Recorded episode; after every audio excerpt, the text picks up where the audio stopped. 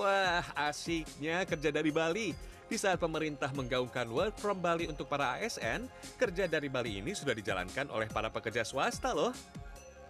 Bayangkan, tinggal di Bali, kerja di depan laptop sambil ngopi-ngopi di cafe fancy. Wah, siapa yang tidak mau? Apalagi Bali dikenal dengan keindahan alamnya. Setelah lelah bekerja, bisa santai menikmati keindahan Bali. Weekend bisa jalan-jalan, saat break kerja juga bisa leyeh-leyehan.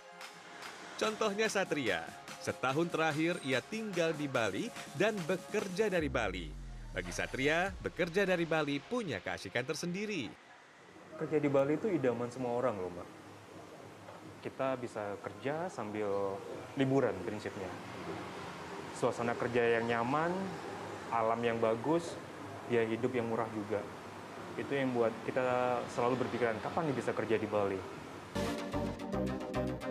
Yang lebih asik lagi, katanya sewa hotel, villa, atau kos eksklusif di Bali lagi obral-obralnya loh. Jauh lebih murah dibanding Jakarta.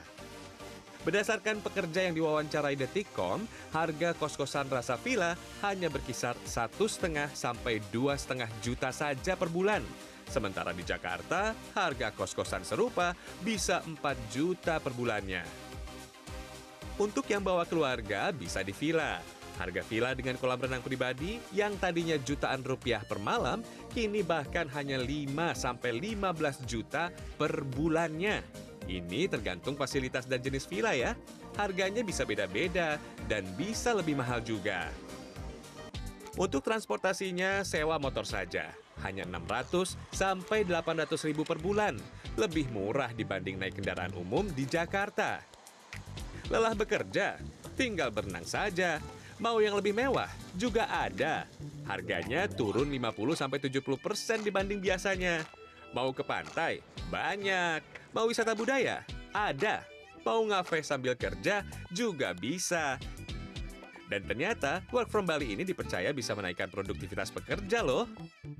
Sebenarnya ini sangat uh, produktivitas juga semakin meningkat, meningkatkan imun kepada para pekerja sendiri. Bisa jadi mereka saat ada posisi mereka di Jakarta, mereka mungkin sudah boring dengan kondisi saat ini di Jakarta.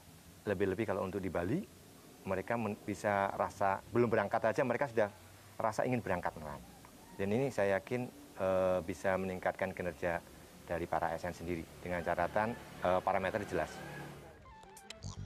Kapan lagi sambil meningkatkan perekonomian Bali, pekerja tetap bisa menjalankan pekerjaan sekaligus liburan. Tim Liputan CNN Indonesia.